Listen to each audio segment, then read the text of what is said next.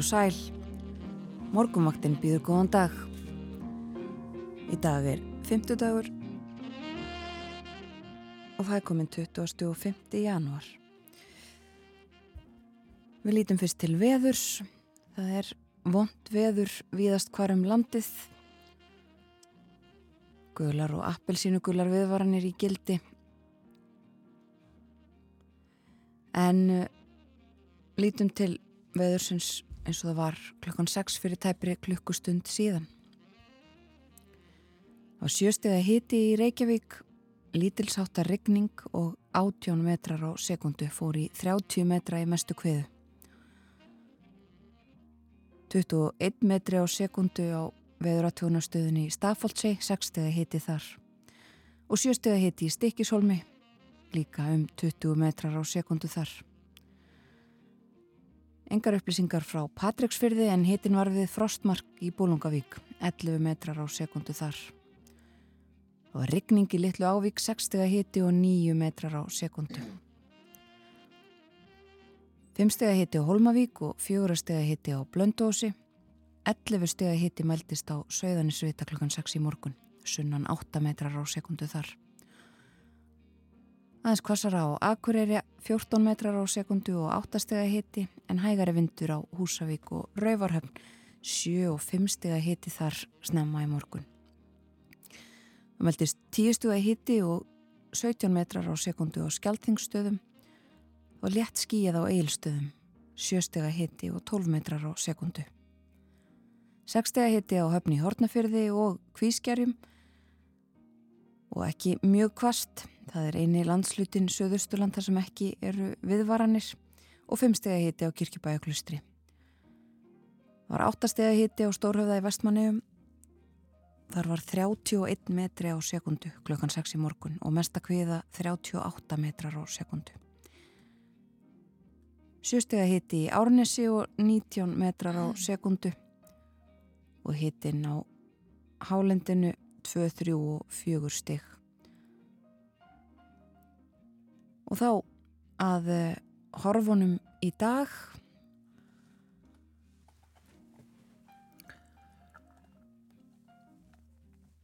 Það verður sunnan 18 til 25 metrar á sekundu með rigningu, þryggja til 10 stega hiti en talsveið slitta eða snjókoma á vestfjörðum og fram á morgun.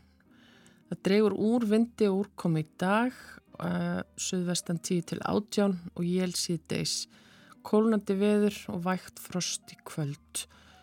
En eins og geti varum hér áðan þá eru viðvaranir bæði appisnugul viðvörun og, og gul viðvörun sem að eiga við nánastum allt land. En verið á að vera gengið niður svona um það byll um kaffileiti í dag Það eru gular viðvaranir. Það var óveður sem hóst í nótt hér á Vesturlandi og, og á Suðvesturhorninu og veðrið er að taka á sig mynd og færast yfir landið en það var að vera vest, að vera vestar kviður á norðausturlandi og austurlandi.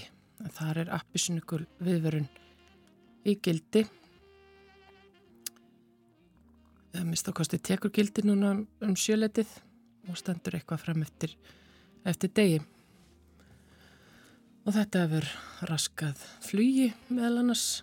Já, senkan er á flugi, bæði innanlands og uh, millilandaflugi og uh, hefur líka áhrif á uh, veginna.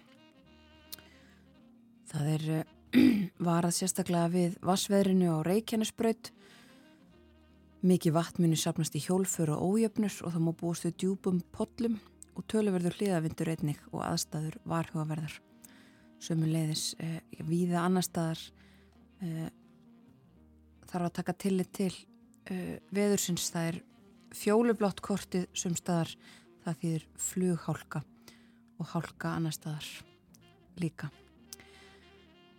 En eh, Það er ímislegt á dagskrá morgumvaktarinnar í dag. Við ræðum um eh, Erlend málefni, við ætlum að tala um eh, rannsókn á áfallasögu kvenna og svo ætlum að tala um gömul hús. Tónlist er líka á dagskráni og við skulum heyra fyrsta lag dagsins. Þetta er Etta James og Sunday Kinda Love.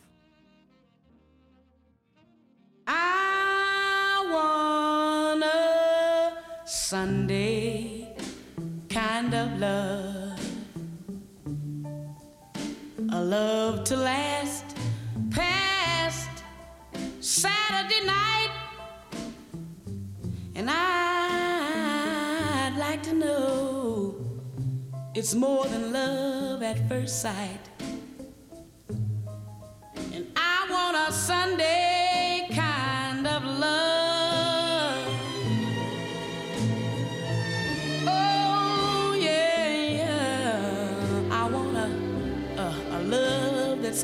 square.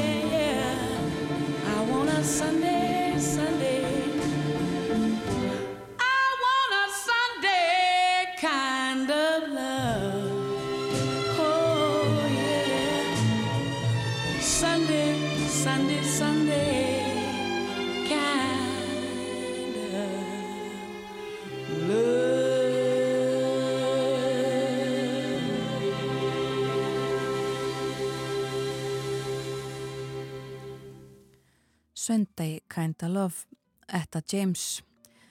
Frettir eru næstar á dagskrá morgumvaktarinnar.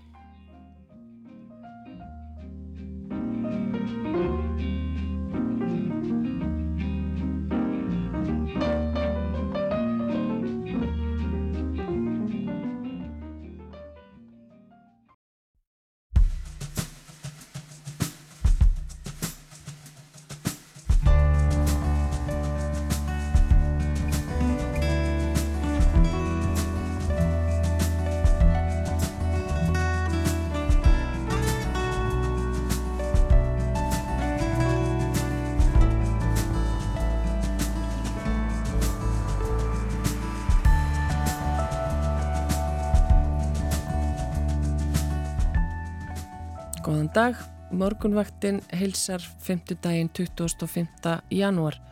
Umsjón með þættinum í dag hafa Eirún Magnúsdóttir og Þórun Elisabeth Bógadóttir.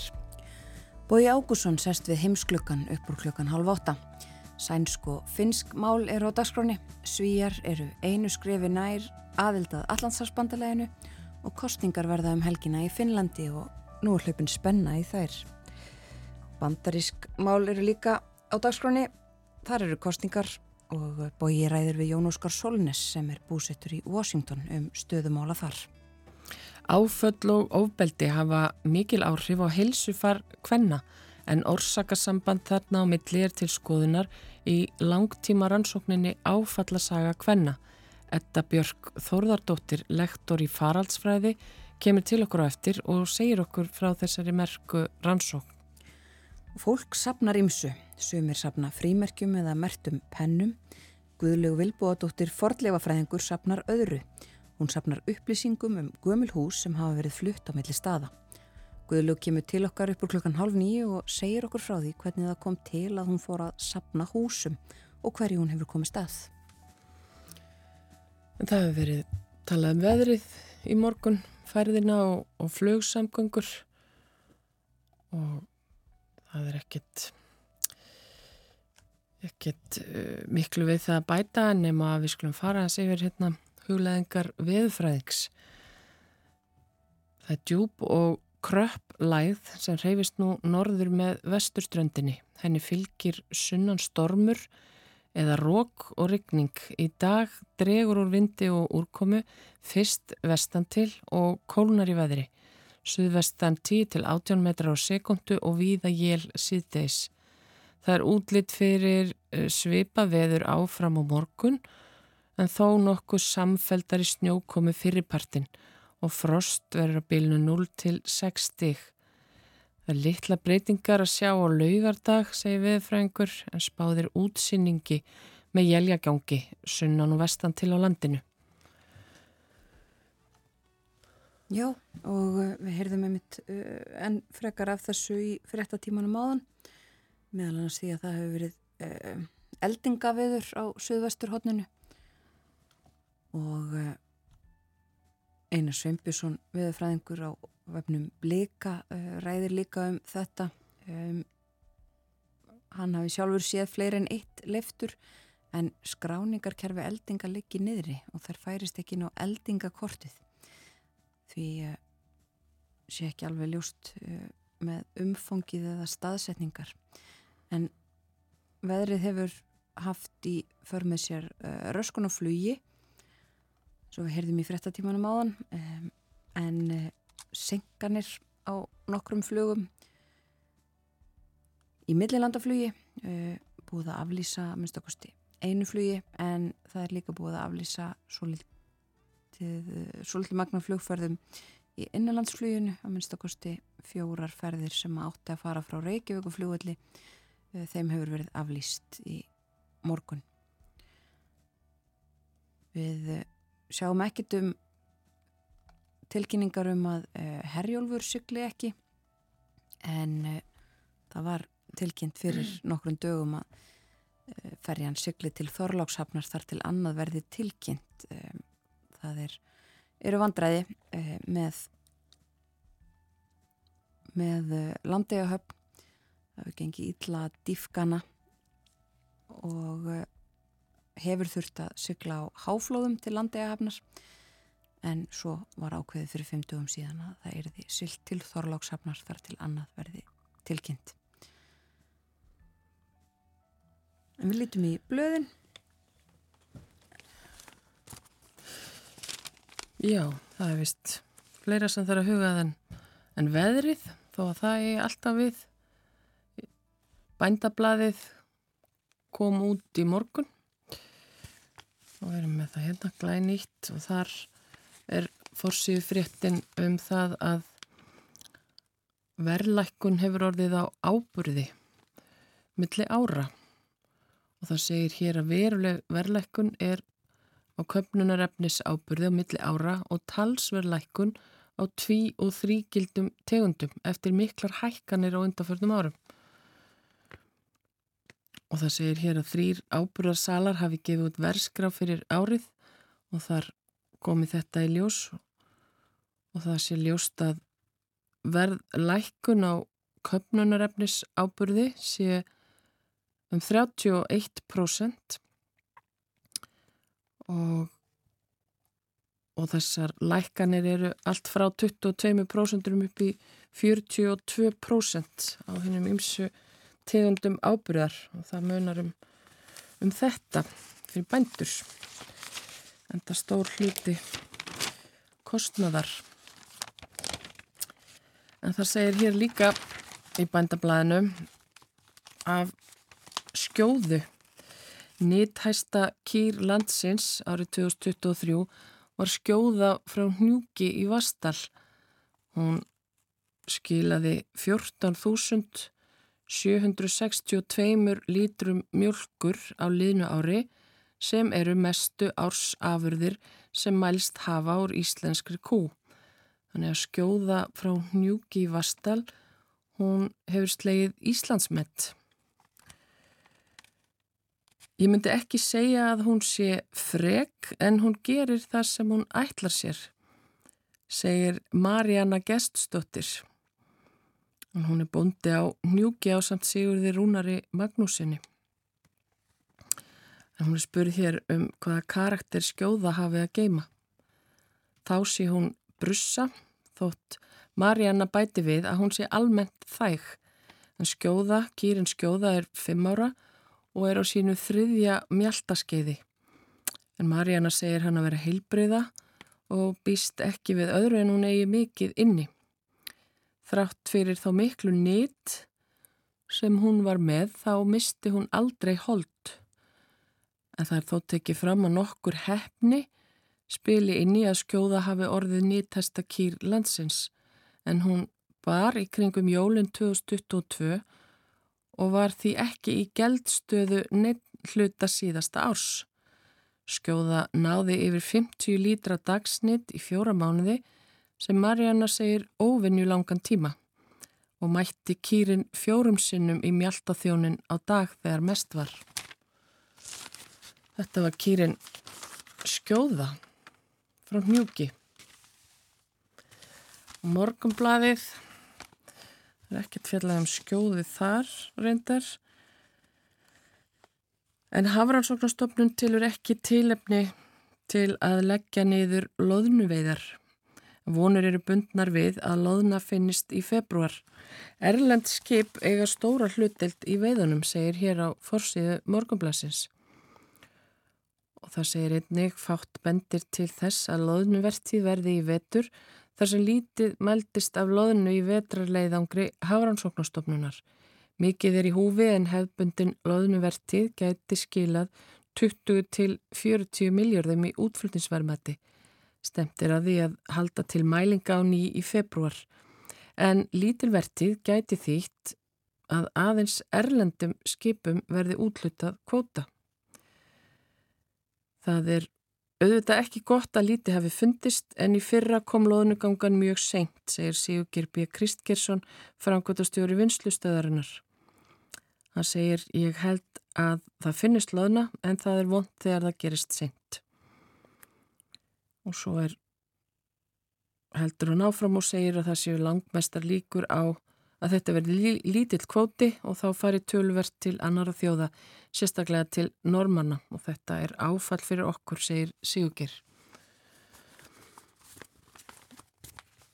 Er við með eitthvað í erlendum miðlum? Já, það er ímislegt um að vera út í heimi. Við förum þetta yfir nokkur mál með að bóða ágúrsinni þegar hann sérst við heimsklukkan eftir 20 mínútur eða svo en uh, lítum aðeins í Erlend blöð enga síður. Það byrja í Breitlandi eh, af því tilöfni að hér í gær þá rættum við um eh, stöðu postsins hér á Íslandi. Eh, Þóruldur Ólf Helgadóttir forstjóri postsins var hjá okkur.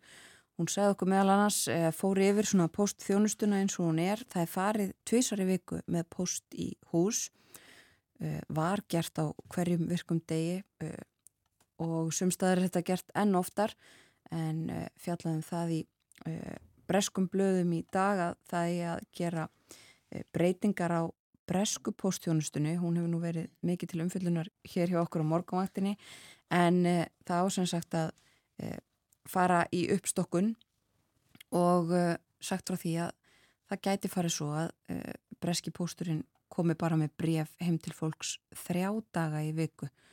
Og þetta þykir uh, hefur versta mál á fórsýðum þessara blada og uh, mér sjamt uh, hvaða ja, hvernig tekið þér á þessu og, og fórsýðun og Daily Mail er sagt að þetta gæti gerst en á næstu fórsýðu sagt að fórsettirsráður Rissi Súnak lofi því að það verði ekki farið í þessar uh, breytingar. Það verði að halda áfram póstþjónustu sex daga í viku.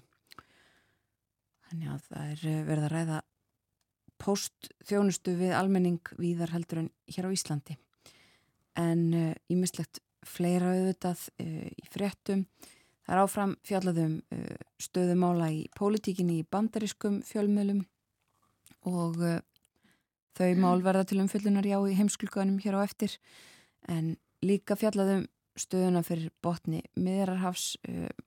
Það er mynd frá Ísrael á fórsíðinu Washington Post og sagt frá því að uh, fjölskyldur gísla sem að enn eru í haldi Hamas eða annara samtaka á Gaza uh, séu uh, að verða örvendingar fyllri og auki þrýstingin á Ísraelsk stjórnvöld.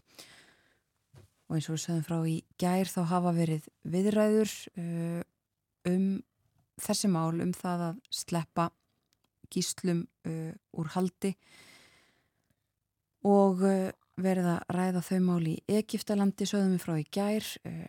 Nú er það að frétta af, af þessu að það var lekin, lek, lekið upptöku og upplýsingum af einhverjum fundi þar sem að Benjamin Netanyahu fórsettir á þeirra Ísraels fór ófögrum orðum um, um Katar, stjórnvöldi Katar sem hafa haft milligöngu um þessar viðræður og eh, Katarar eh, Katarar eh, saka Netanyahu um að eh, hindra þessar tilraunir til þess að miðla málum með því að haga sér svona. Séu nexluð á þessum ummælum um, um Katara og þeirra málamiðlunar hlutverk um, þetta sé óabyrt og uh, skemmi fyrir viðleitninni til þess að bjarga saklausu fólki. Og ímislettu þetta fleira að, að frétta úr af þessum málum. David Cameron fórsetir sá þeirra Breitlands hitti Mahmoud Abbas fórseta Palstínu á Vestubakkanum og uh, þeir funduðu uh, árásir halda áfram og frásagnir af þeim og uh, svo ætla ég að nefna eina frétt danska varnamálraðunitið hefur viðurkjent að hafa átt hlutamáli þegar að gerðar voru loftárásir á Líbíu árið 2011 þar sem að óbreyttir borgarar letu lífið. Þetta eru skjöl sem að hafa verið lokuð en eru það ekki lengur. Og þetta er í fyrsta sinn sem að e, stjórnvöld ríkis sem að tóku þátt í loftarásunum á Líbíu viðurkenna að það hafi þar látist fólk sem að engan hlut átti að máli var ekki uh, í hernaði heldur bara óbreyttir borgarar. Og uh, það verður gerð uh, framkvæmd rannsókn eða skoðun á því hvernig í pottin var búið þarna. Og ímislegt fleira auðvitað að gerast annar staðir í heiminum en hér en við látum þessu lokið í, í byli nefni kannski að Eh, stjórnvöldi í Úkrænu hafa verið sökuð um að granta flugvél um, sem að uh, hrapaði og rússar segja að, að hafi uh, verið full af uh, stríðsföngum, úkrænskum stríðsföngum sem að hafi átt að sleppa úr haldi koma til Úkrænu fylgjast með þessu. En við skulum hlusta á smó tónlist, við förum auðvitað eins og áður var nefnt í Ímis uh, Erlend málefni hér á eftir. Við skulum heyra söngkonuna og söngaskaldið Elinu Ey og eh, lægið Get Away.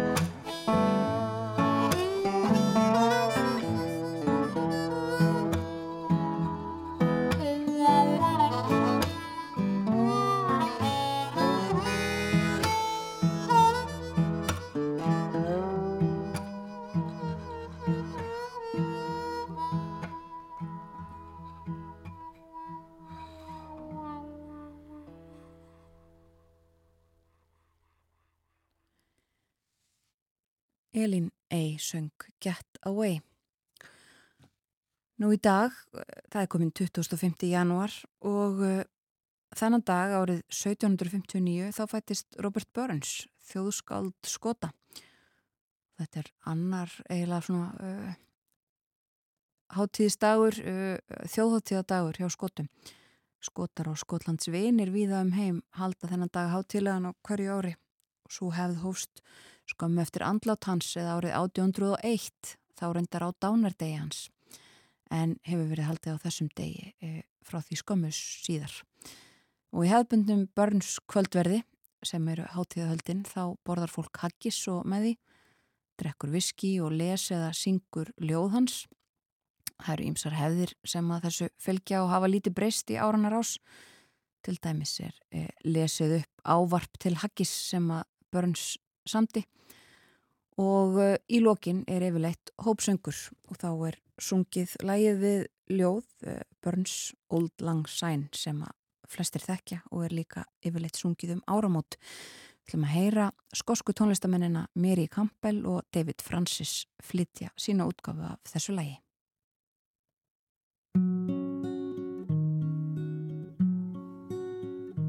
Acquaintance be forgot and never brought in mind? Should all acquaintance be forgot and old lang syne?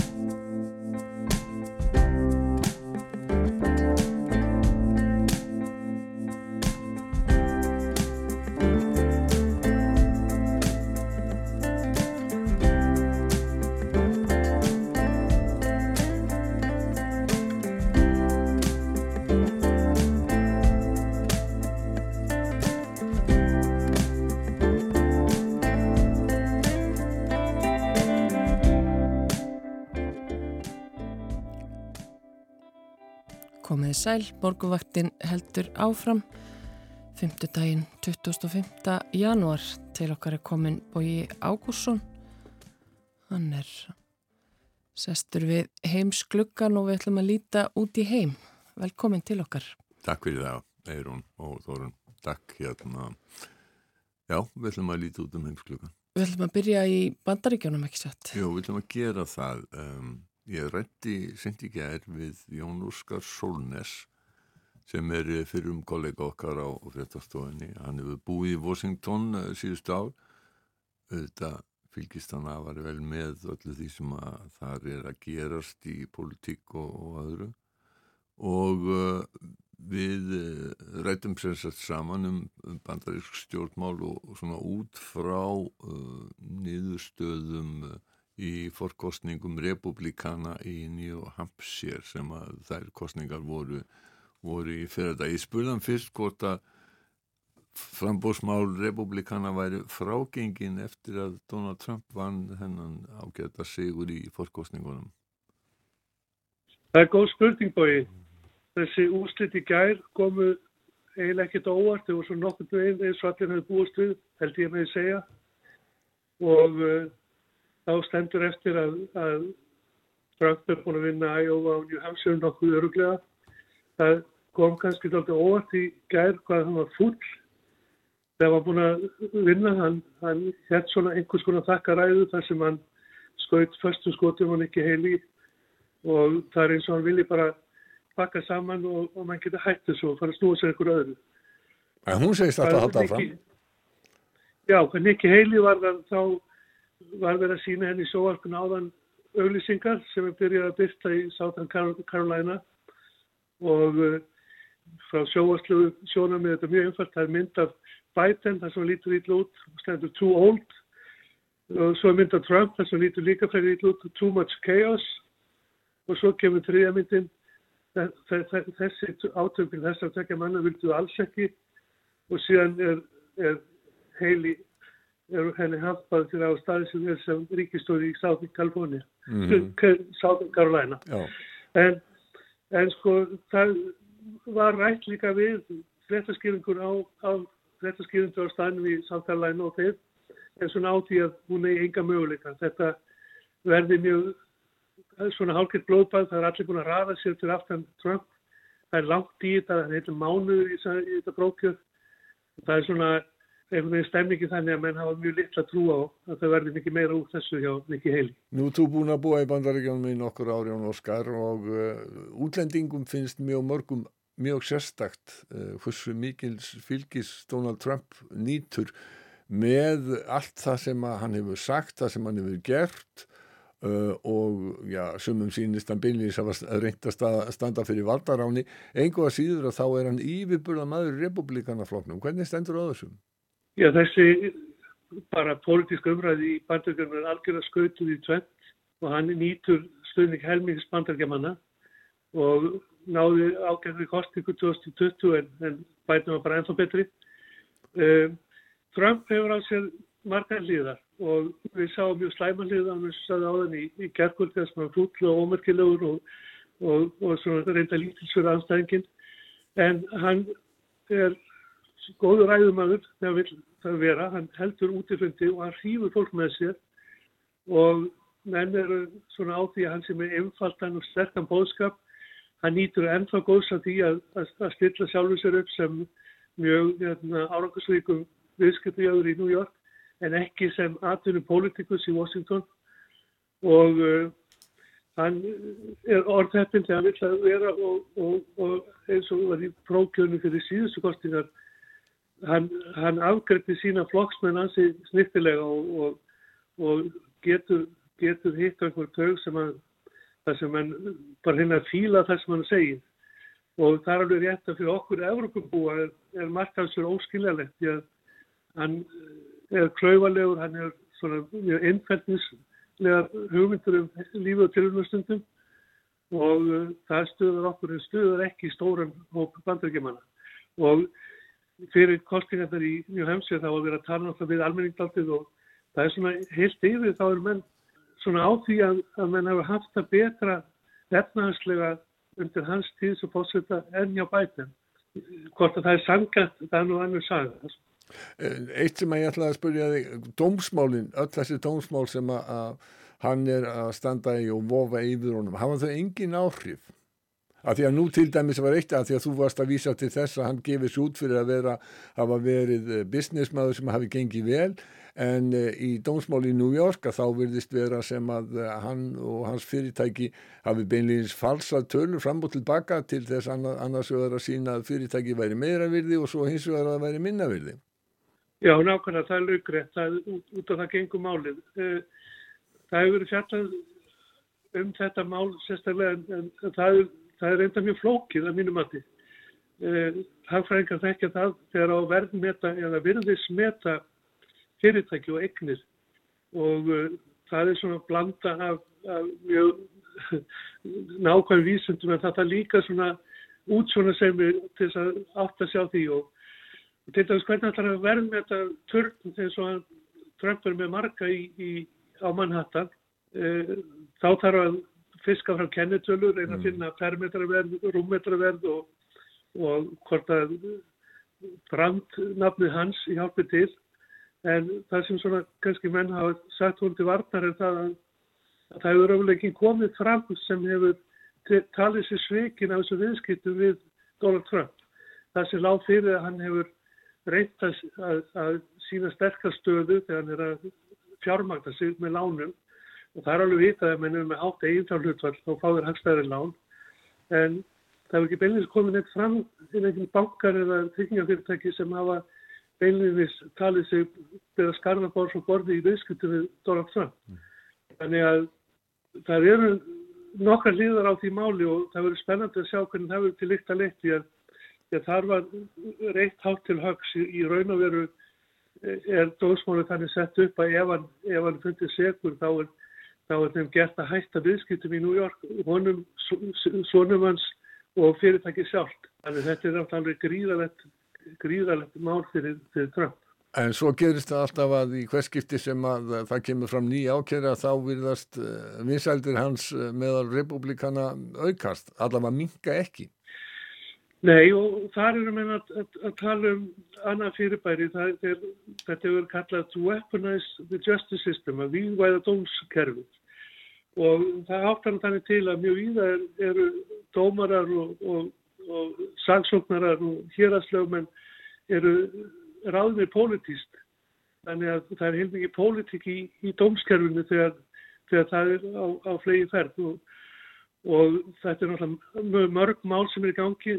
Þau eru eiginlega fjögur líkilmál en kannski maður tælja að fymta með uh, málinga hvernig Vítundur Karol sem, sem er núna vera fjall, það sem er að um skadabætur en, en það er eins og að, að republikandi líti bara á það að, að, að það sé vera misnótt á domskjöru til þess að fella Donald Trump og það breytist átti, það kannski skýrður akkur um henni svona óþólum að klára klára þessi brókjörn því að óneittalega verður þetta til sérstug staða þegar hann er orðin sem væntam á orðin fórsönda efni republikana og ekki nema rúmt hálft ári kostningar að hann sé eigi yfir höfðu sér fangelsistóma eða áar fjársættir sem, sem uh, fulltrúi republikana. Mm -hmm. það, það, það, það er kannski freistandi þá að segja að, að hann sé ofsóttur politist í dómskjörun.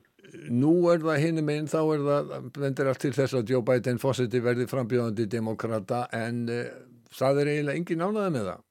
Nei, það er, það er náttúrulega með að hann, hann hefur sérstaklega lítið, hann, hann er auðvitað orðin ansi gammal með hvað gengur að gerist í, í svona frambúðsmálum en En það skrýtnir að, að það er svo margt jákvæmt sem hefur komið í gegn sko í hans fósitatíð sem hann veginn nýtur ekki eins góðs af að hann er ekki náðu uppskera vinsaldi fyrir það.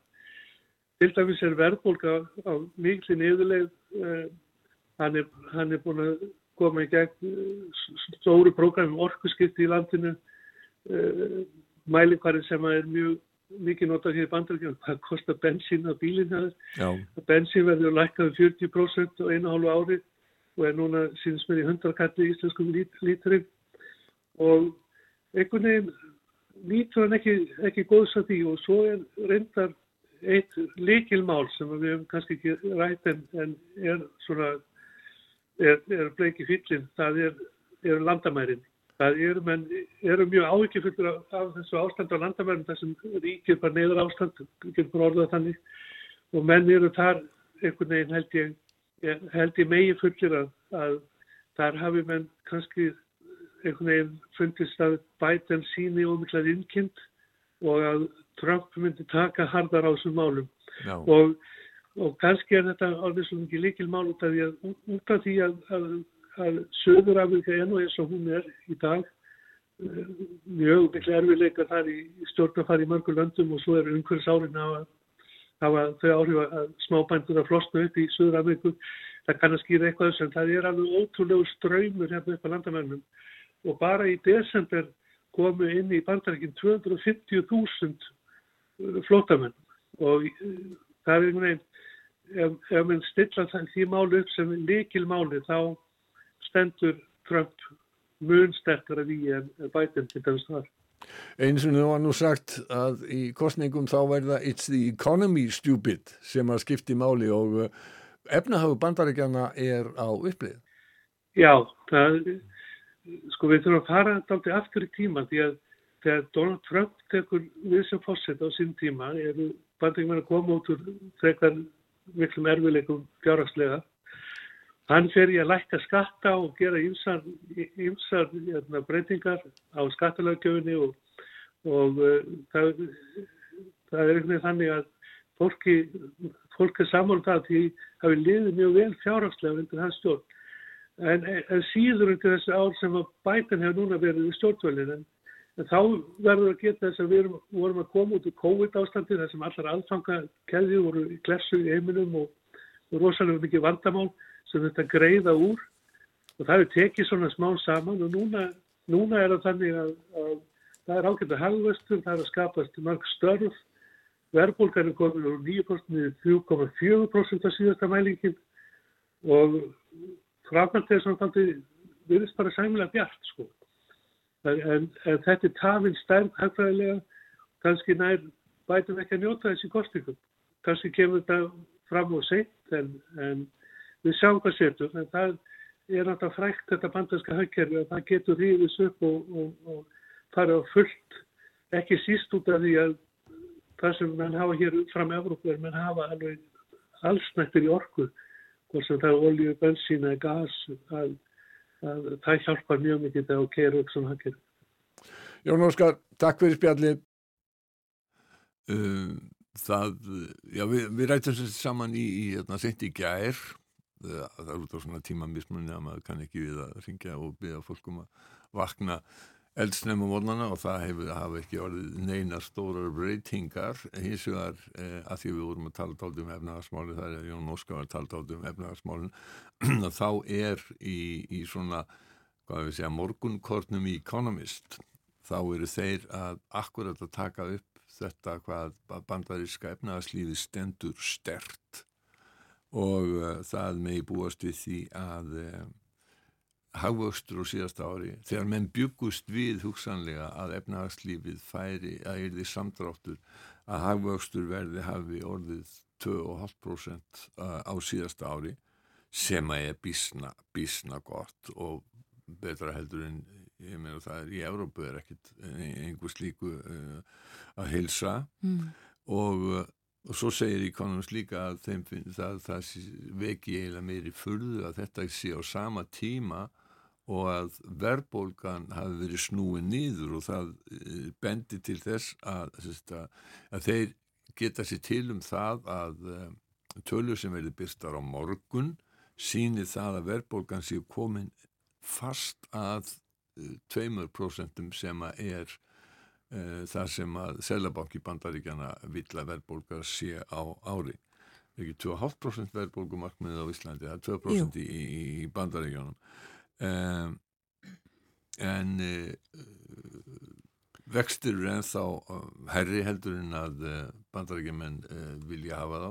Náttúrulega samt sem að það er ekkert í líkingu við það sem að fólk á Íslandi þarf að greiða en, en bandaríski dólarin er nú svona aðeins rafbelúri heldur en íslenska krónan hver var það sem að var benda á þann daginn að krónan er búin að vera sjálfstæð uh, var skilin frá dönsku krónunni fyrir 100 árum og síðan hefur hún miða við dönsku krónuna rýrnað held ég um 99,95% eitthvað svo leiðis Já. þannig að, eh, já, Já. mitt lífi krónan En eins og Eh. þið fóruði verið þá, verðist bætin ekki verið að njóta þessa uh, nei, ennþá allavega nei, í, í könnunum. En Nei. við uh, fylgjumstu þetta áfram með bandarísku málefnum.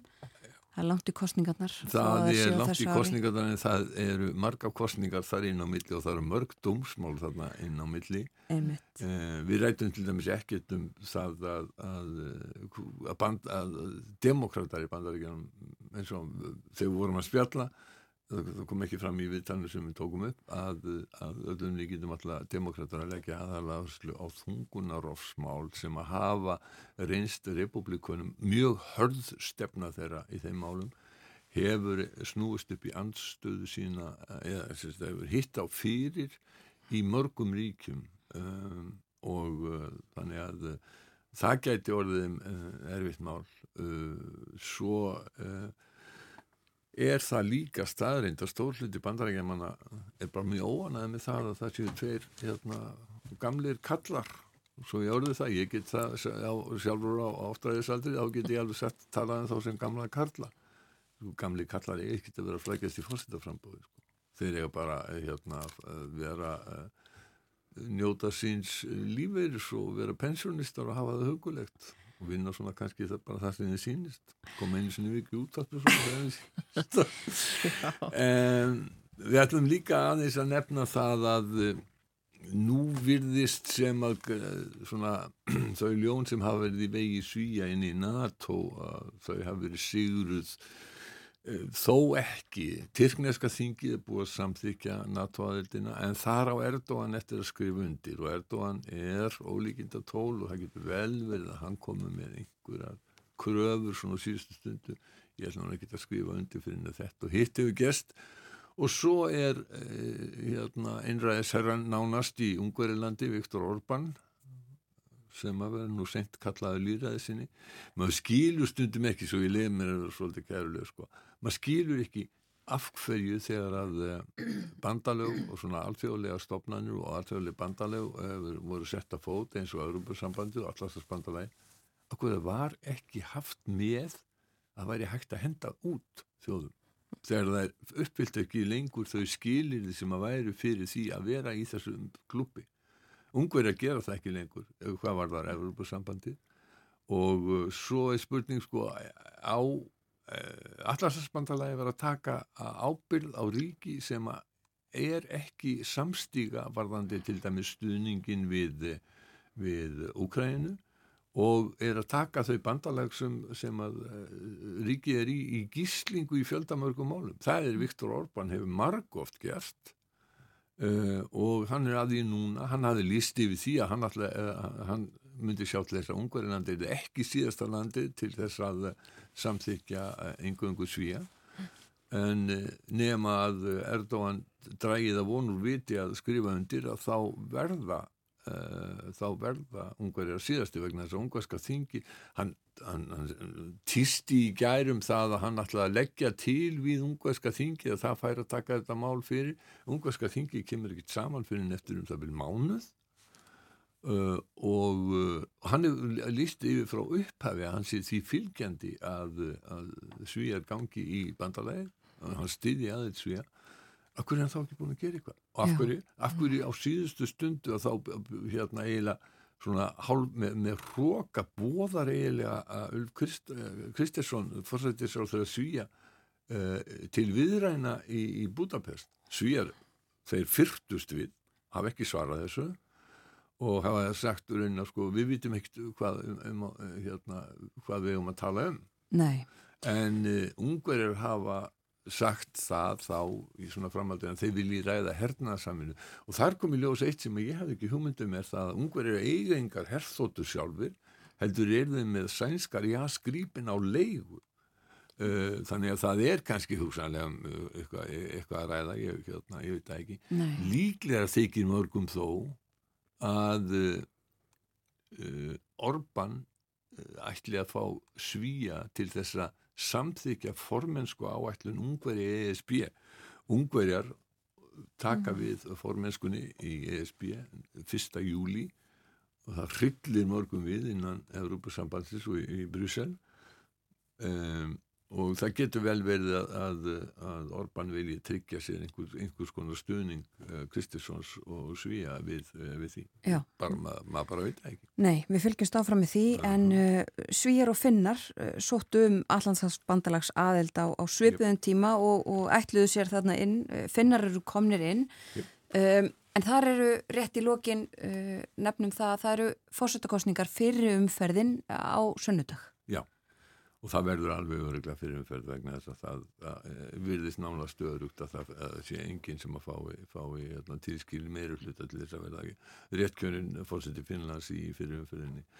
Þarna eru þrýr höfuð frambjóðandur, með minni að það er manni hvað eru 7-8, það er heilt- heilt leitlingu sem er frambóði uh, og, og lengi vel og þá leiti þetta þannig út að Alexander Stubb og uh, Pekka Havistó uh, myndi berjast um þetta og Stubb hafði umtalsvert umtalsvert forskot við dreigðu stuðningi við Alexander Stubb. Hann er núna með stuðning samkvæmt neyri konun stuðning 22% kjósenda Pekka Havistó uh, sem var uh, tengdur græningum en vill ekki vera tengdur einum að einum núna segir hann.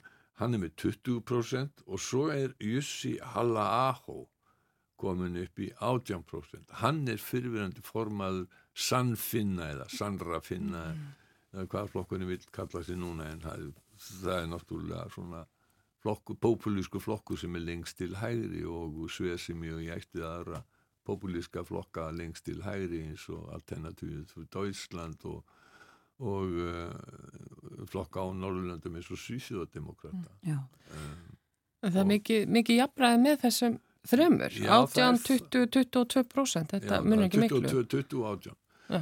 Uh, og þetta gæti, já, þetta gæti orðið spennandi og skemmtilega kostningar, þannig að líklegast er að það verði kostið á milli Alexander Stubb og Pekka Hæfistó, en Jussi Halla Aho gæti komið þarna inn í orðið uh, í, í, í kappi við annarkot þeirra í, í sittni umferð kostningar. Það verður mjög gaman að hérna að fylgjast með því. Já, og það er og sko, það, það skrýtna er að það er, það er, sko, það er mjög lítill munur á stefnum frambjóðandana í utanríkis og öryggismálum sem að eru aðalmálum sem að finna fjallum. Þannig að þetta er í rauninni bara kostningum person uh, ég ætla að nefna það líka svona rétt í lokin að hlaupa aftur í svíja sko að í NATO þá, þá fagnar menn mjög uh, því að svíja síða að koma inn og hafa bent á að svíjar hafi öflugan hér, ekki bara landir, heldur líka flugher og flota.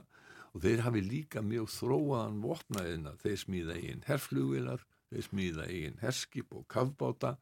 Og það er mikið af, af hérna, góðum bækistöðum, herbækistöðum, þannig að menn telja að þetta verði styrki NATO mjög þegar að svíjar loksins uh, koma inn.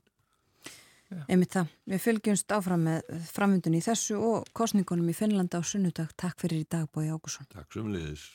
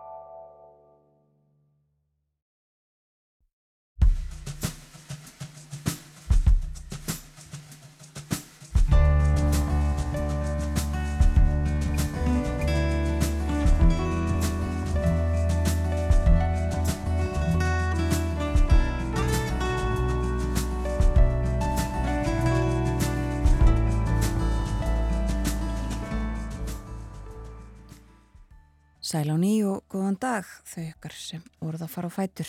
Morgunvaktin á ráseitt heldur áfram. Klukkan er tæpar 6 mínútur gengin í nýju og það er 50 dagur í dag, 20. og 5. janúar. Leiðinda veður hefur verið í nótt, það er nú aðeins að skána að minnstakosti sömstaðar. Það er áfram í gildi uh, gulviðvörun vegna storms víða. Uh, það versnar sömstaðar á landinu og verður slemt uh, fram eftir morgni aðalega og aðeins fram yfir hátegi en uh, allar Viðvaranir verða fallnar úr gildi klukkan hálf tvö í dag. Það er já sunnan stormur, suð, sun, sunnan átt ríkjandi á landinu með regningu og hita en talsverð slitaði að snjókoma á vestfjörðum fram á morgunin. Dregur úr bæði vindi og úrkomu þegar að líður á daginn, verða suðvestan 10 til 18 og jél síðdegis. Og það kólnar í veðri á ný verður komið vægt frost í kvöld og á morgun förstu dag verður frostið 0 til 6 stig áfram sunnan og söðvestan áttir en þá með snjókomu eða jæljum. Þurft að kalla þó á norð-austanverðurlandinu síðdegis á morgun. Aðeins inn í helgina helgar veðrið Suðvestan 10 til 18 áfram á lögadag en kvassara við suðuströndina fyrirpartags. Jél sunnan og vestan til og hiti breytist lítið. Á sunnudag verður áframhaldandi söðvestanátt og jél en úrkomi lítið á norðaustur og austurlandi og frostið á bylunu 0 til 8 stig á sunnudag. Það línar svo aðeins á mánudag eins og spáin er núna. Áhrif ofbeldis og áfalla á heilsu kvenna er til skoðunar í rannsókninni áfallasaga kvenna og til okkar er komin Edda Björk Þórðardóttir, lektor í faraldsfræði og sálfræðingur. Velkomin til okkar, takk Edda. Takk fyrir að koma. Já, takk fyrir að bjóða mér. Um, Mér langar að byrja á því að áður við förum yfir niðurstöður, það er nú þegar komin ímsa niðurstöður út úr þessari rannsókt og hún sé ennþá yfirstandandi. Það langar maður að byrja á því að, að byrja að segja okkur aðeins frá svona upphafinu, hvernig fór þetta af stað þessi langtíma rannsókn áfallasaga hvenna hver, og hvers vegna? Já, það er mjög góð spurning. Eh, þessi rannsókn fór á stað árið 2018 og þetta er vísindaransókn á vegum Háskóli Íslands og um, við höfum áhuga á að skoða og hérna áf, áfalla sögu hvenna og svona áhrif áfalla á andlegt og líkamlegt heilsufar. Og þess vegna buðum við konum á Íslandi að taka þátt í, í rannsókninni og svara spurningalista um þessa þætti. Og við þáttaka fór bara fram yfir alla björnustu vonur, það var um, um 30.000 íslenskar konur sem tóku þátt eða 30% af, af konum hér á landi og, og hérna og erum afskaplega þakkláttar fyrir, fyrir þáttöku þessara, þessara kvenna og það gerir þessa rannsókn eina staðsta rannsókn á þessu sviði á heimsísu. Já, þetta er uh, gríðarlega uh, svona yfirgripsmikil rannsókn uh, og það er búið byrta núna eins og greinar tengdar þessari rannsókn sem að er stendur yfir hérna á hér á landi og er mjög stór svona á alþjóðlegan mælikvarða. Uh, sko þetta er ég er nú með hérna bara langan lista yfir í rauninni niðurstöður sem nú þegar hafa komið út uh, hvað og meðal annars ef ég nefni eitthvað þá, er, þá, þá hefur komið henni ljósa ofbeldi á lífsleginni sterkur áhættu þáttur ímissa geðrætna engjana en líka hjarta og æðasjúkdóma. Mm -hmm. Ef við tökum til dæmis bara svona niðurstöðu, hva, hvað segir þetta okkur? Hvað þýðingu hefur þetta? Já, þetta veitur okkur mjög dýrmætar upplýsingar um áhrif sem, sem alveglega áfell geta haft á, eins og þú segir, bæði andlega heilsu okkar og líkamlega heilsu. Þannig að þérna, þessa, þessi mikla streyta sem slík lífsreynsla veldur veldur okkur að hérna, hún getur haft um, langvarandi afleðingar og, og þetta, hún getur sem sagt, það sem við sjáum er til dæmis eins og það að verða fyrir líkamlu eða kynferðislu ofbildi að það eigur að hættu á að, að þróa með sér kvíða enginni þunglindis, enginni, enginni áfallastreitur öskunar og mynd líka eins og þú myndist á um, svona líkamleg uh, líkamlega kvilla eins og, og hjarta og æðarsjúkdóma. Þannig þetta kannski er, hefur hérna, eru mikilvægur upplýsingar til þessa, fyrir okkur til þessa að, að nýta í það að e, hvað er mikilvægt að sinna forverðnum vel gegn ofbildi og, og síðan að halda vel utanum um þá einstaklingar sem verða fyrir því. Já. Hefur þetta ekki líka áhrif á það hvernig skimun fer fram hvernig svona kannski bara klíniskar leiðbenningar eru byggðar upp ef að nú er vitað að það þarf að taka meira tillit til áfallarsögu í þeirra verið að kannski kanna sjúkrasjögu uh, sjúklings eða, eða, mm -hmm. eða mhm. kanna áhætt þætti fyrir ákveðin sjúkdómum. Jú, það er mjög góða punktur. Það er gríðarlega mikilvægt að, að spyrja um, um áfallarsögu þegar að, að það á við og í, í, í kerfinu. Og ég held að sé orðið hérna, e, mikil vakning núna bara senastu, e, senastu áratug mitt á, á algengi áfalla hvað þetta er því miður algengt í okkar samfélagi og, og líka um, um þessar, þessar afleðingar og, og mikilvægt um þetta skima, skima fyrir því í heilbriðstjónustu um, til þess að þessi þá hægt að vísa þólendum í, hérna, í, réttan farveg þeir sem eru að, að upplefa vandamál eftir áföll að, hérna, að þau fá þá viðeigandi þjónustu í helbriðiskerfinu og þá er náttúrulega mikilvægt að, að, að e, svo þjónusta sé til, til staðar um, viðsveru á landinu og, og, hérna, og, já, og sé aðgengileg fólki. Ja. En hvernig er staðan? Er þessi þjónusta til staðar að því að e, nú kemur hérna fram til dæmis í, í niðurstöðum þessari rannsóknar að 40% hvenna hafa orði fyrir ofbeldi á lífsleðinni? Eru næg úræði til til þess að hjálpa þá konum að takast á við afleðingarnar? Já, það er bara mjög góð spurning og við erum með mitt að fara í rannsókninu okkar núna að spurja nánar út í þjónustunýtingu hvenna um, og svona sagt nótkun á heilbriðstjónustu og þá þörf fyrir henni. Um, ég held að, að við getum vissulega bætt okkur, okkur þar um, og það er já, svo mikilvægt til dæmis að, að eins og ég myndist á að þjónustu sé, sé aðgengileg og líka hún sé á viðráðanlegu verði að, að þær, e, þeir einstaklingar sem þurfa til dæmis á, á sálfræði þjónustu að, hérna, að því hún er ekki niðugreitt í dag og, og það er bara margir sem hafa ekki, ekki tök á því að greiða fyrir, fyrir þá þjónustu. Þannig að við þurfum að, hérna, að huga vel að því að þjónustan standi fólki til bóða og ég held að við getum vissulega gert betur en, hérna, en eins og þú sagðir áðan að, að fyrsta, það fyrsta er þetta að, að spyrja um, um áfallarsögu og ef að fólk reynir þá frá því að vera að upplifa e, vandamál í kjölfar áfalla að þá vísa fólki í viðandi þjónustu. Já, það stendur yfir ákveðin uh, svona annar fasi rannsóknurinnar núna svona uh, eftirfyllt að vera að senda mörgum konum sem tóku þátt árun 2018-2019 senda þeim uh, bóð um það að uh, svara frekar í spurningalistum og, og, og svona um, einhvers konar ítalegri uh, þetta, já, þetta, þetta er svona eftirfyllt einhvers konar. Hvað, hvað svona þýðir það? Hvaða fasi er þetta sem að nú er í gangi? Ymmið, við höfum samband við allar þær konur sem tóku þátt 2018 og erum að bjóða þeim að, að svara aftur spurningalista um, um líðan í dag.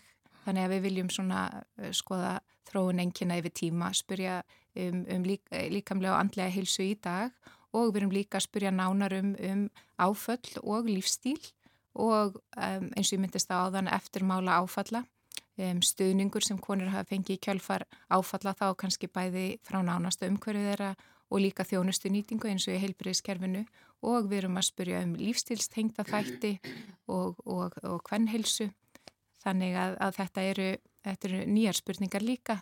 En e, þáttaka fælst í því aftur að, að svara spurningalista. Og það er hægt að taka þátt með því að fara inn á vefsíðu okkar áfallasaga.is um, og síðan höfum við í samband við þær uh, konur og bóðum þeim aftur að taka þátt sem tóku þátt. Já. Og heimtur hafa almennt verið góðar, er það ekki? Jú, jú. Það vorum 30.000 konur sem tóku þátt 2018 og við erum bara afskapla þakkláttar öllum þeim konum sem gáði sér tíma til þess að taka þátt í, í þessari rannsókn að því án hennar það hefðun ekki orðið til og, og án hennar þá hefði við ekki allar þessar mikilvægu upplýsingar sem við getum núna notað e, til þess að, að bæta þjónustu hér á landi við þólendur áfalla og, og skoða, skoða líðan, líðan hvenna á mörgum sviðum. Já. Hvað myndur þú segja væri svona mikilvægasta eða mikilvægustu niðurstöðnar úr þessari rannsókn nú þegar? Já, það er góð, góð spurning og, og hérna það eru uh, svo margt sem, sem kemur upp í hugan að því að það eru uh, mjög margir sem hafa verið, uh, margir vísindamenn sem hafa verið að vinna úr, úr þessum efni við, mistaranemar, doktorsnemar, við erum að vinna í alþjóðlu samstarfi sem er afskaplega dýrmætt.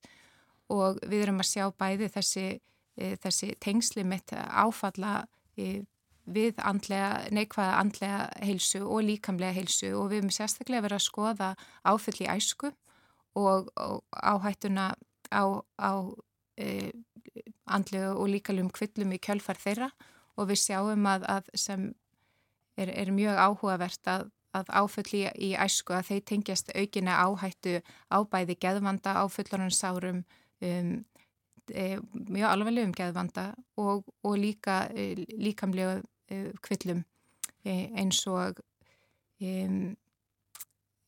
eins og hérna sjálfsáðnum með sjúkdómum og, og, og svo framvegis og, og auka líkur líka því að konur hérna upplifi eða geta ekki tekið þátt í rauninni í, í atvinnulífinu og það er rauninni þannig sem er áhugavert að, að því fleiri áföll sem þú hefur upplifað því, því meiri hætta á, á þessum útkomum. Þannig að ennu oftur að því við vorum að tala um forvarnar gildi þessara niðurst að, að hvað er ofbúslega mikilvægt fyrir okkur sem samfélag að huga því að, hérna, að hlúa vel að börnum sem, sem verða fyrir, fyrir of, áföllum eins og, mm. eins og ofbeldi og, og hérna þannig að við getum eins og hægtir fyrirbyggt þennan, þennan vanda ekki bara í æsku heldur, heldur all, alla lífstæðina. Já, og er kannski, og það er kannski eitt af því sem geti komið út úr þessu einmitt eins og nefnir að, að það sé, að börn sé gripin svona meira en nú er gert ef að það, ver, það er kannski ekki að koma við veg fyrir all áföll ver, en, en að það sé þá gripið inn í strax mm -hmm. hjá börnum sérstaklega ef þau verður fyrir áfalli að það sé ekki beðið endilega fram á fullorðsár með að vinna úr því heldur sé börnum hjálpað að vinna úr sínum áfallin það getur þá sanga þessu haft mikil áhrif á uh, heilsufar þeirra bara í framtíðinni Já, Já. ég myndi segja það og það er svo margt sem við getum, við getum gerst, við getum stuttu bækið á, for, á, á foreldrum, á börnum um, um, hérna skólakerfinu, það, það eru svo margar leiðir til þess að fara í okkar samfélagi til þess að styðja vel við, við börn og, og draga úr neikvæðum áhrifum af, af áföllum. Þannig að þetta er svona samfélagslegt verkefni fyrir okkur. Já, þannig að kannski niðurstöðnar sem að þið hafið fengið nú þegar og, og að þær, þær nýtast eða ættu að vera kannski teknar alvarlega bæði inn í skólakerfinu, heilbriðskerfinu uh, og, og, og víðar, eða ekki? Jú. Já. Hvað getum við gert bara núna til dæms? Hvað, hvað er byggt á þessum niðurstöðum ykkar sem sína fram á, uh, svo ekki verið umvilst þessi miklu, svona, þetta orsaka samband á bæðamölli áfalla í æsku og ímiskonar uh, heilsufarsleira vandamála á fullorsárum og svo líka orsaka samband millir þess að verða fyrir ofbeldi og að e, glíma við ymsar ymsa kvilla síðar mm -hmm. hvað, hvað er svona getur við sem samfélag gert bara strax? Mm -hmm. Ég held að það sem mikilvægt að við gerum það sem e, hægt er til þess að fyrirbyggja að fólk verði fyrir áföllum og bæði börn og, og, og fullornir um, síðan þannig að það er bæði hérna, forvarnastarf og síðan þurfum við hérna, að halda velutanum um þá sem verða fyrir áföllum og, og styðja þeirra nærum hverfi, hjálpa þeim sem hérna, um, hjálpa þeim að vinna, vinna úr þeirri reynslu. Þannig að ég held þetta einmitt, þetta er svona, svona markþætt verkefni.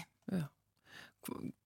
Hver er skilgreiningin á áfalli í skilningi -hmm. þessarar rannsóknar. Já, e, e, áfall er óvæntur skindilegur atbyrður sem hérna veldur miklu uppnámi hjá hverjum, nánast hverjum sem verður fyrir slíkri reynslu. Um, þannig að við erum að, að spyrja um, um, um slíka reynslu eins og, eins og ofbeldi um, og, og, og síðan eru við líka að, spyrja um aðra streytuvaldandi lífseinslu sem fólk getur upplifað yfir, yfir lífsleðina og eins og í þessari rannsókn eru við að spyrja um, um fæðingareynslu hvenna þannig að við erum líka að spyrja um, um svona aðra eh, erfið reynslu sem fólk eða konur hafa mögulega gengið í gegnum. Já. Þannig að er, það er farið yfir uh, ansi vítt svið. Það er eitt sem ég uh, reik augunni hérna í upplýsingum frá ykkur sem er nú mættilega að finna á vefnum áfallasaga.is að það uh, segir það eru tengst á melli áfallasögu og ADHD og mm. hver eru þessi tengsl?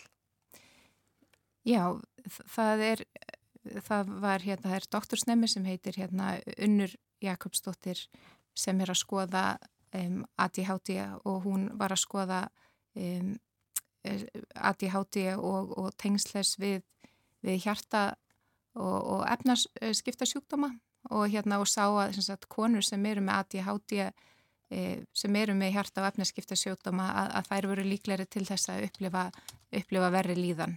E, þannig að hérna, það er mitt svo margt í þessum efniviði sem við höfum til þess að, að skoða þannig að það er hérna já, þannig að það voru áhugaverðar nöðustur Já. En hvað ef þú, að því þú ert nú búin að taka þátt í þessari í, í því að móta þessa rannsókn uh, og þetta eru komin hvað, 5-6 ár núna sem að frá því þetta fór á stað og sennilega lengri undirbúinstími þar á undan uh, hvað er svona þín voni og tala bara út frá sjálfur hvað, hvað vonast þú til þess að komi út úr þessari uh, langtíma rannsókn á áfallasögu hvenna? Mm. Já, það er það er svo margt sem kemur upp í hugan ég held að þegar við fórum á stað með þessar rannsóknu uppaflega um, að þá þá var það svo var einmitt þessi spurning bara hver er algengi áfalla hér á landa með íslenska kvenna og hvernig tengist, eh, tengist áfall eh, heilsufari kvenna og, og við fengum alveg ótrúlega góðar viðtökur bæði í samfélaginu og, og, og, frá, og konum sem tóku þátt um, og þannig að það var afskaplega dýrmætt og bara þessi þjóðfélagsumræða sem, sem, mm. sem kom um áfalla því að það er svo mikilvægt ymitt að þetta sé eitthvað sem við getum talað um og við horfum bara tilbaka einhver ára tíja þá var, var mjög sjaldan talað um um til dæmis e, ofbeldi og aðra erfiða lífseinslu þannig að það bara að, að, þólendur geti greint frá og, og, og, og alveg þá er hægt að hjálpa, hjálpa fólki. Að það er mjög mikilvægt. Og síðan það sem er svo dýramætt er að, er að geta fyllt e, þáttökundum eftir og, skoða líðan þeirra hérna, yfir tíma og, og þetta er alveg svona einstaktt tækifæri áfallasögu hvenna til þess að gera það og þá eru að fá mjög mikilvægur upplýsingar um hvernig enginni þróast yfir, yfir árin. Já, þannig að það skiptir miklu máli að svona rannsókn sé langtíma rannsókn. Já, þegar að það er hægt að framkvæmast líka rannsókn þá er það e, mjög mikilvægt og, og veitur okkur mjög dýrmættur upplýsingar ekki bara að vera skoða líðan á einhverjum einum tímapunkti heldur að geta hérna skoða það í, í, yfir yfir margra ára tímabill og líka svona fyllt eftir, við erum að spyrja mitt um, um lífstíl og, og, og, um, og áföll sem hafa mögulega átt sér stað núna frá því að konur svaruðu seina, seinast. Og hérna eins og ég myndist á um, já, marga aðra þætti sem við spurðum ekki um seinast. Já, og það er hægt að fá allar upplýsingar inn á vefnum áfallasaga.is en Edda Björk Þórðardóttir eh, lektor og sálfræðingur ég þakka þér fyrir komuna. Já, takk fyrir að bjóða mér til ykkar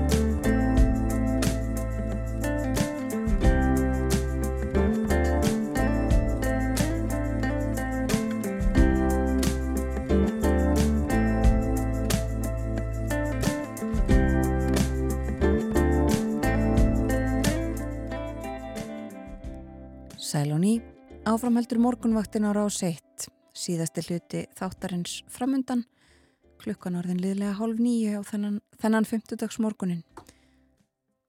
Það er 25. janúar í dag og uh, veðrið, leiðinda veður, það er djúb og kröpp lægð sem að hreyfist norðu með vesturströndinni. Henni fylgir sunnan stormur eða rók og regning. Það dregur þó úr vindi og úrkomu í dag fyrst vestan til, veðrið er eh, raunar þegar farið að ganga niður hér á höfubrúkarsvæðinu og uh, gerir það síðar í dag annar staðar á landinu.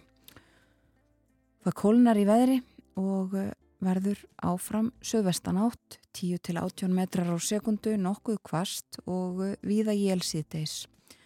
Svo rútilt fyrir söpað veður fram á morgundaginn en samfeldari snjó komu þó fyrir partin. Frostuðu morgun 0 til 60 og svo litlar breytingar að sjá í veðrunu á lögardag og raunar einlega sunnudag líka. Það hefur verið farið yfir það í frettunum, uh, trublanir, röskun á samgöngum, bæði uh, vegasamgöngum, það þarf að hafa hugan við uh, það og skoða færðina og líka á flugsamgöngum. Við rettum hér fyrir frettæfilitið við Ettu Björg Þorðardóttur, lektor í faraldsfræði og sálfræðing. Hún er hluti teimisins sem að rannsakar nú áfallasögu kvenna. Þetta er langtíma rannsókn og að hefjast nýr fasi á henni þar sem að eh, konur sem að svöruðu spurningum eh, rannsakenda árið 2018 eru beðnar um að svara aftur og eh, risastúrt verkefni þar á ferðinni. Og fyrir morgun var hjá okkur bói Ágússon, hann rætti um, eh, um sænsk afsakið, um, um finsk og um bandarísk málefni. Það síðast nefnda rættan við eh, Jón Óskar Solnes í Washington í bandaríkjónum um kostningabaráttuna þar. En í síðasta hlutu þáttarins þá ætlum við að tala um hús og uh, ekki bara einhver hús, heldur hús, uh, gömul hús sem hafa verið flutt á melli staða. Guðlegu Vilbúadóttir, forlegafræðingur, er komin til okkar á morgunvaktina. Velkomin og takk fyrir að koma. Það grýpa bara niður í það sem þú segir sjálf uh, um, um þessa söpnunar áróttu þína. Sumir sapna mertum pennum, aðrir sapna gömlum símum. Ég sapna upplýsingum um hús sem hafa verið flutt. Og uh, þú ert, eins og ég nefndi, forlega fræðingur, svo það kannski kemur ekki á óvart að þú hafið áhuga á ymsu uh, sem tengis liðinni tíð. En hvernig hófst þetta verkefnið þetta að sapna þessu saman? Mm, þetta hófst um, þegar ég var í, í námi í forlegafræði við Háskóli Íslands og byrjaði það reyndar ekki fyrir 2004 og þá var ég komin já, á 50 aldur og þarna svo þurfti ég eitthvað uh, klára sem sagt bíaverkefni mitt og svo held ég áfram í MA og, og var að vel, velta fyrir mig hverju ég ætti, hvað ég ætti að skrifa þar. Og þá hafði ég fengið svona hlutastarf hjá húsafriðnanemnd með náminu og einhvern veginn það kom ekkert annað til greina en að skrifa um eitthvað sem tengdist húsum. Þau bara, þau bara heldtókum mína stuði og um, fyrst var ég að hugsa um að skrifa um hús sem hefði verið rifin í svona gömul, merkilu hús sem hefði verið rifin og svo fannst mér það eitthvað svo niðurdreipandi og sérstaklega með tildi þess að í BA-verkefninu mínu hafði ég skrifað um kirkugarða og minningamörk þannig að ég vildi gera eitthvað aðeins meira lifandi og, og um þetta leiti að þá var ég að lesa æfisögu bonda sem að ég mandi mér ekki lengur hver er og hann, það var sem sagt 300 blasina æfisaga þar sem hann segi frá allir sinu lífi og svo hafði hann flutt á milli fjarða og það var einn setning og hann tók húsitt með sér. Og mér fannst þetta bara, já, sti, maður stingur því ekki bara hún í tösku en það er svolítið mál að flytja heilt hús. Svo ég fór aðeins að velta þessu fyrir mér og ákvað svona í framhald af því að skrifa um hús sem hafa verið flutt.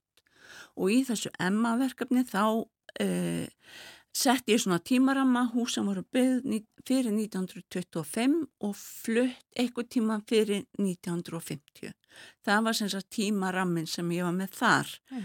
En núna eftir það hafa, hef ég bara, það bara einhvern veginn koma til mín þessi fluttu hús og nú er ég komin sem sagt miklu nær í tíma með flutningin þannig að ég er að fjalla um hús sem hafa verið kannski flutt 2000 eh, en byggð samt fyrir 1925 og, og er kannski helsta með 1923 að því það eru friðhús Já. og þá er ég núna einbeita mér mesta húsum sem þá standa enn en svo læðist, læðast önnur hús með líka. Já og þú stopnað eh, vef utanum þetta verkefni sem þú stendur í núna með hús í farangrinum. Já. Og það var það sem að eh, mistararitgerinn þín hér líka, ekki satt? Jú, Já. einmitt.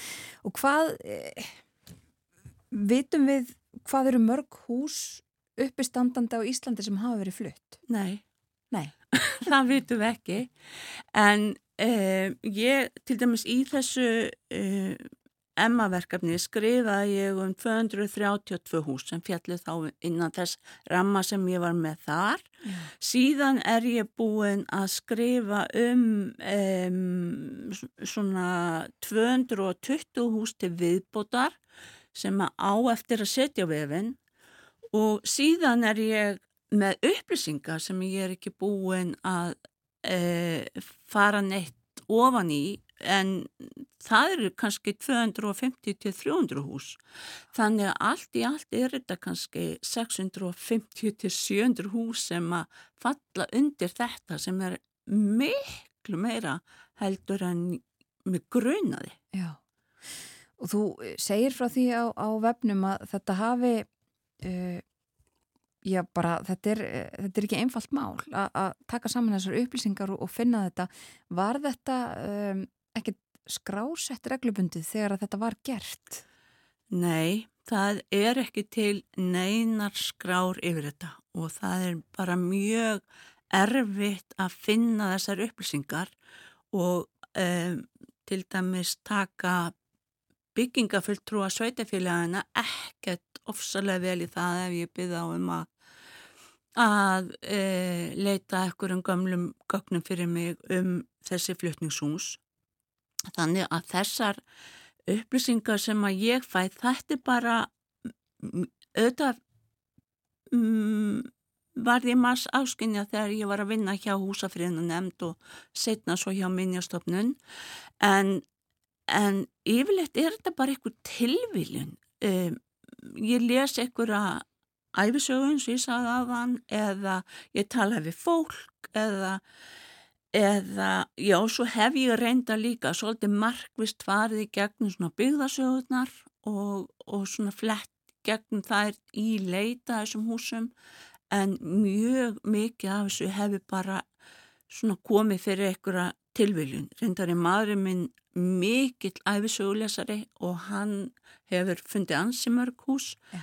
en og svo er það þó að það er kannski bara eins og ég, bara í gerðkvöldi, bara ég lesa bók, árbók, e, eh, ferðarfélags Íslands um flóan og það er sagt frá einu húsi og þá náttúrulega bara setja það inn í Excel-skjali mitt og síðan fer ég og aðtúa hvort að þetta hús myndi passa innan þessa ramma sem að ég er að setja mér að því að það kemur hverki fram í þarna í þessari bók hvena það var byggt til dæmis þá þarf ég að reyna að finna út úr því. Já, þannig að þú finnur kannski mitt í, í einhverju bók eða eitthvað upplýsingar um eitthvað hús eins og þetta sem þú nefndir á þann fyrsta eh, það sem var kveikjan að þessu eh, en þú þarfst svo að fara uh, og finna allar þessar upplýsingar. Það, þetta er tölvert grúsk. Þetta er bara mjög mikið grúsk. Og bara ótrúlega skemmtilegt og mér finnst náttúrulega mjög gaman að tala við Eh, ég hef talað við ótalmarga, bæði ringt í fólk og, og hitt fólk og, og það eru svo skemmtilega sögur og margt sem að e, kemur fram. Já. Og er þetta orðið þannig uh, að, að fólk er farið að leita til þín eða láta þið vita, vita af því að þú ert að uh, skoða þetta?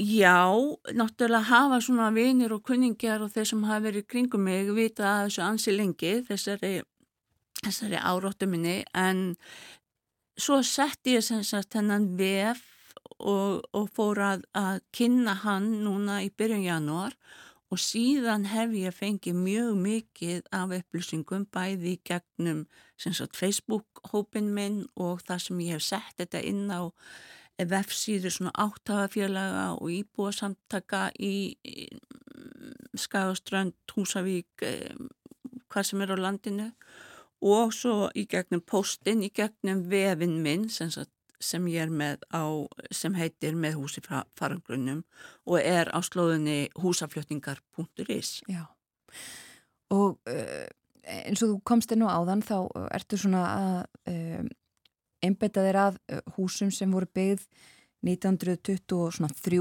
aðalega, það eru friðuð hús en kannski til 25 en, mm -hmm. en hafa verið flutt á uh, núna bara öllum tímum í rauninni. Já, nú er ég komið hangað. Já, Um, en er, veistu til þess, er líka mikið um, eða hefur verið húsaflutninga á yngri húsum, heldur en þessi hús eru? Já, eitthvað er það nú, en Já. ég hef svo sem ekki mikið verið að velta því fyrir mér. Nei. Þú sagðist að hafa uh, haft sambandi mitt og, og bent áttagafélögum og svona fleirum uh, á þetta, tókst skagaströnd sem dæmi, er um, eða var meira um þetta á einhverjum ákveðnum svæðum á landinu eða er þetta, ég sé það ef maður skoðar húsin uh, eða flokkana á, vefsíðuninni þá eru, já meira mun öll bara sveitafjölu og, og, og byggðalög á landinu þar uh, skráð inn Var þetta meira eða er einhver starf heldur en annar staðar? Um, það eru náttúrulega nokkur dæmu um að mér líka við að segja að heilu þorpin hafi verið flutt. Og þá til, má taka sem dæmi skála á langanissi og þaðan voru flutt hús á fyrðina þarna fyrir austan og á Þóshöpp til dæmis. Eh, annað dæmi er Kálshammarsvík þarna skamt frá Skagaströnd. Þaðan voru flutt eh, mörg hús á Skagaströnd og svo eh, við þeim þegar reksturinn þar hætti þá voru flutt hús til Reykjavíkur og þaðan jáfnvel ennþá lengra til Grindavíkur til dæmis eitt hús, fyrst til Reykjavíkur og svo til Grindavíkur. Þannig að það eru þetta er náttúrulega er, er svona er í kringum þessa flutninga er, er, er það svona hvað ég segja afmarka svolítið af, af land af staðsetningu þessara uh, litlu þorpa. En svo eru núna komin mjög mörg hús uh, sem hafa verið flutt uh, inn á vefi minn á Akranensi og ég held að það sé það bæjarfélag sem hefur einhvern veginn flutt mest á húsum, þannig er Heilgata presthúsabraut sem er í raun og veru allt fluttingshús eða stór hlutennar er hús sem hafa verið flutt annars, annars staður bænum til dæmis þegar að semisvegs meðan var byggð og sjúkrahúsi var byggð þá þurfti að rýma lóðir og uh, mörg þeirra eru þarna við presthúsabraut en þau voru líka flutt út í sveit upp í borgarfjörð og, og viðar það sem hafa voru notaði sem sumabústaði þannig að eh, já Akranis er áhældi vinningin en þá, Já. svona miða við húsafjölda í Já, bænum. Akkurat. Og þú, eh, heyrði ég það ekki rétt á þann að, að það er eh, fjölda af húsum sem þú ótt eftir að komin á vefin sem þú ert komin með upplýsingar um? Já, það eru líklega svona 220 sögur sem að ég á bara eftir að svona eh, flytja bara copy-paste inn á vefin. Já. Og svo uh, leitar líka upplýsinga, þú uh, rekst kannski á, á uh, myndir af flutningi húsa og, og uh, ert að leita eftir upplýsingum um hvort að einhver uh, viti hvað, hvað er þar á segði. Já, ef ég, ef ég sé ykkur húsaflutninga á til dæmis vefnum gamla ljósmyndir þá, þá er ég strax komin með putana þar og fyrir að spyrja Já. Á þetta bara hugðin allan? Já Já, það, eða, þetta er bara svona áhuga Já. sem að hérna, mér finnst ofsalega gaman að verja tíma mínum í. Já. Og hvað, hvað næst? Hver, hver, hvert sérðu þetta uh, fyrir þér fara? Ætlar að reyna að skrásetja öll hús?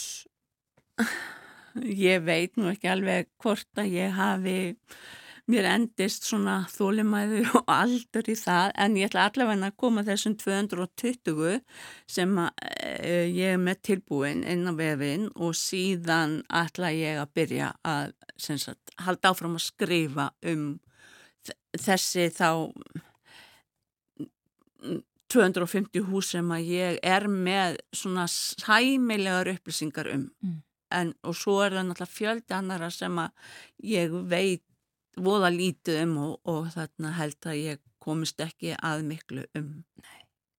Átt ekki heim í bók? Fluttningshús?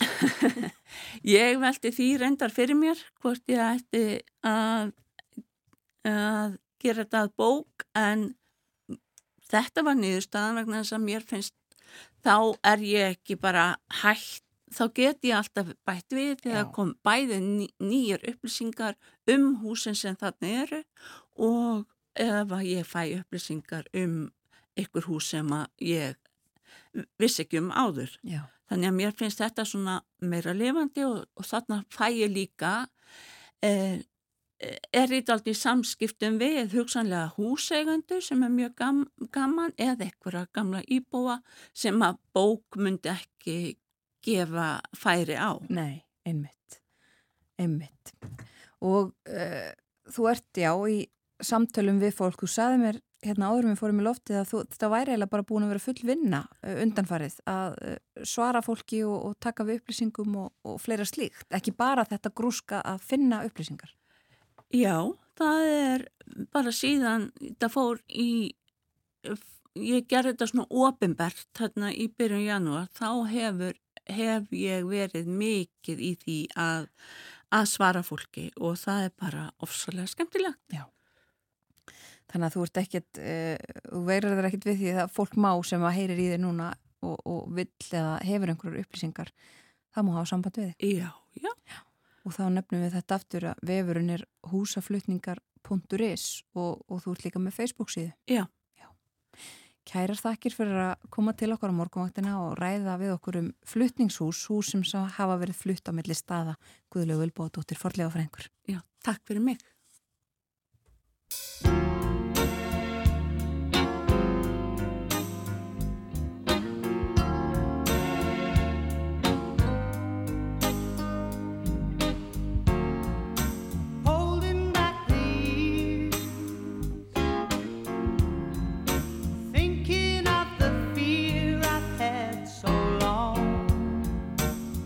Somebody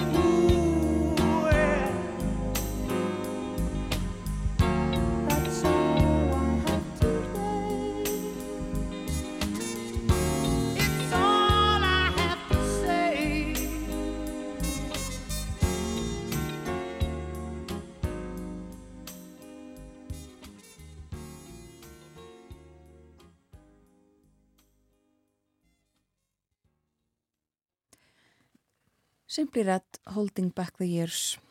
Við leikum þetta eftir spjallokkar við Guðlugu Vilbú og dóttur Forlegafræðing.